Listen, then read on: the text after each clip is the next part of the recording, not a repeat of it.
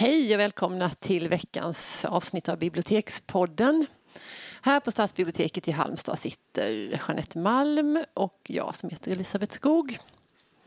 Kul att ni är med oss den här veckan också. Som ni hörde så har vi en, hade vi en liten gäst här som fick ta tonen med detsamma och det var koltrasten. Vårens vackraste, mest välkomna budbärare, är han inte det? Absolut. Och inte bara det, för det finns... Ja, varför uppehåller vi oss vid koltrasten, Jeanette? Ja, det var en lång och krokig väg som jag knappt eh, kan reda ut för mig själv, men jag har gjort ett litet försök. Det började 2012 när jag läste en eh, roman av en amerikansk författare som heter Liza Klausman och boken hette Tigrar i rött väder. Och när jag läste den så fick jag inte jätte jättemycket förklaring till den här ganska udda titeln. Mm. Minst sagt udda. Minst sagt udda. Eh, men jag förstod ju att det var någonting, eh, hade någon litterär koppling så jag eh, tog reda på det snabbt och lätt. Och det ledde mig till en poet som heter Wallace Stevens som har skrivit en alldeles fantastisk dikt, dikt som heter Desillusion klockan tio och den, handlar, den avslutas då med det här berusade sjömän mest, eh, som jagar tigrar i rött väder.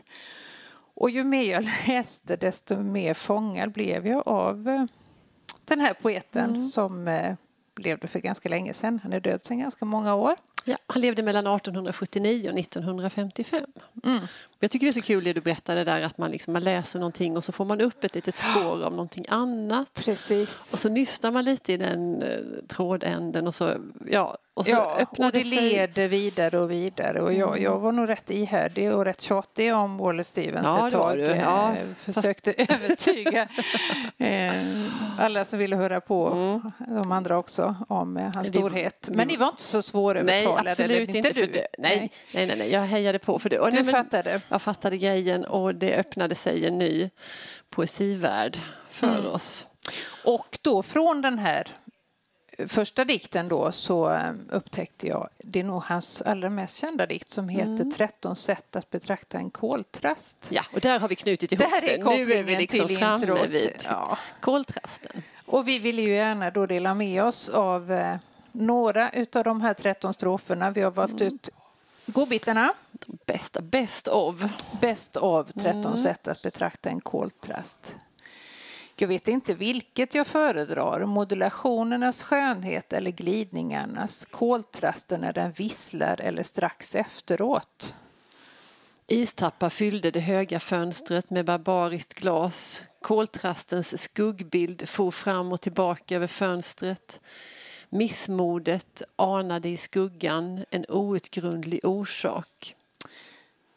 Ni magra män från Haddam, varför drömmer ni om gyllene fåglar? Ser ni inte hur koltrasten spatserar omkring fötterna på kvinnorna i er närhet?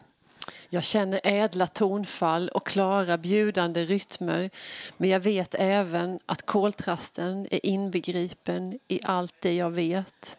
Det var afton hela eftermiddagen, det var snö i luften och det skulle snöa. Koltrasten satt bland cederns grenar. Åh, Ja. ja. Eh, Det finns en hel del översatt på svenska av eh, Wallace Stevens. Och vad vi också upptäckte då i det här eh, frossandet i poesin det var ju att han hade en jätteintressant levnadshistoria. Kan inte du dra lite grann om den? Jo, nej men det gör jag jättegärna. Och, eh, vi har hämtat det här, fakta om den här författaren, Wally Stevens, har vi hämtat ifrån en litteraturdatabas som heter Alex. Mm, Och en liten guldgruva. är en guldgruva och vår bästa vän. För där, man kan alltid lita på Alex, där finns verkförteckningar och där finns kort om författarens liv och, och hur hen skrev och ja, men allt i, kort och kärnfullt det man behöver veta om en författare kan man slå upp i Alex. Ehm, Och den hittar man ju via bibliotekets sida ska vi säga. Det är Ja. ingenting som är, man hittar själv hemifrån via Google eller så eftersom det är en eh, betaldatabas. Men vi, Mm. på biblioteken så, så är den tillgänglig. Mm. Och vad vi- hittade vi då Jo, våran Ålis? nej, ja, men det är så roligt för det, det brukar vara ganska, som jag sa, kärnfullt och kort om, om författare. Men här, just när det gäller Wally Stevens så, så är det lite mer, man får mer information. Och, ja, till exempel så får man veta att han var något av en eremit Han levde gott i ena änden av en stor villa i ett exklusivt kvarter och i den andra änden levde hans vackra hustru. Alltså det var nog inget jättelyckat äktenskap på något Men just sätt. det här, hans vackra hustru, det är Mm. inte...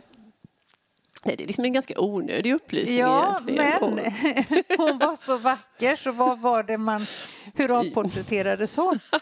Hon satt modell för kvinnoprofilen på 10-centsmyntet. Ja, det är, ja, det är svårslaget. Ja, när man snubblar på 10-centsmynt nästa gång så kan man liksom tänka Ja, på fru Stevens. fru Stevens. Mm.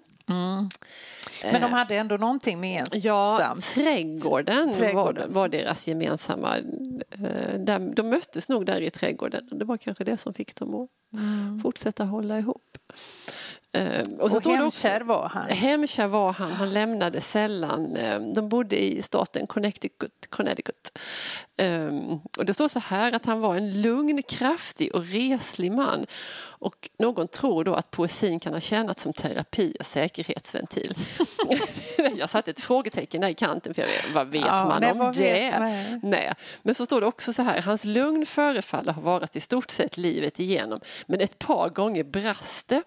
Så visade det sig att han blev avstängd ifrån Harvard för att han hade antastat en hushållerska där. Aj, aj. Och sen blir det faktiskt ännu värre för vid ett annat tillfälle så krossade han handen i ett slagsmål i Key West när han var i, i handgemäng med ingen mindre än Ernest Hemingway. Ja, ja, under den lugna ytan. mm. Ehm, och det är sånt som man, ja, man liksom det, skänker ju någon, även om det är liksom, på- något vis är det ju värdelöst vetande, men man får Ja, liksom ändå men, en, men, ja, men det, det, det framträder ju någonting eh, som ändå är lite kittlande. Ja, Men han var väl aldrig sådär riktigt jättestor? Eller Nej. hur, hur, eh, hur fanns- känd är han Nej, bland men eh, genomsnittsamerikanen? Ja, sådär, halvkänd tror jag. Ingen... ehm, Och han har inte fått någon sån här försenad eh, upprättelse? Nej. Eller, Han fick Pulitzerpriset i lyrikklassen men det var nog medan han höll på.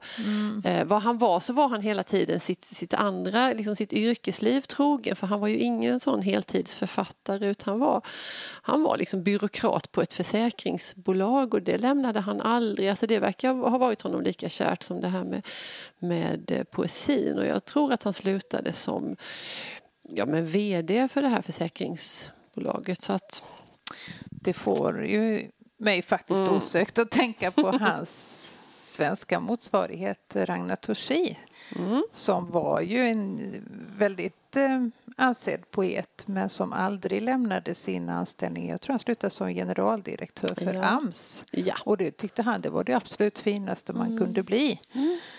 Eh, Så lite grann samma andas Mm. Lite män grann. verkar de ha varit. Men sen tror jag att, att Torsi skrev poesi innan han blev byråkrat och Ja. efter. Att han inte blandades. Liksom, han ägnade sig... Var sak på sin plats. Var sak hade sin tid och sin plats. Mm. Mm, vi kan prata om Torsi en annan gång. Är kanske Ja, det värt ett kan vi program i sig. Nej, men eh, Wallace Stevens som sagt är väl värd att eh, läsa. Mm. Och det finns, jag tror han, jag tror han finns att köpa och han finns definitivt på biblioteken. Ja. Hur, eh, vad händer nästa gång, Elisabeth? Ja, nej men det är ju så här att vi har en, en gästlista med personer som vi är jättesugna på att prata med. Och de börjar liksom knacka på här så jag tror att till nästa program så släpper vi in den första gästen. Och vi vill prata om eh, vad läser de och varför och är det så där att man har Och hur en- började hur det? började det? Jag tänker att ofta så kan man ha haft en, en, liksom en upplevelse av någon text eller en bok som, som på något vis har lett in på detta läsandet. Sånt ska vi prata om. Ja. Så nästa gång så är koltrasten ute hos sig och Ja. vi har en gäst hos oss här i studion. Mm. Ni är så hjärtligt välkomna åter. Tack för idag. Hej då!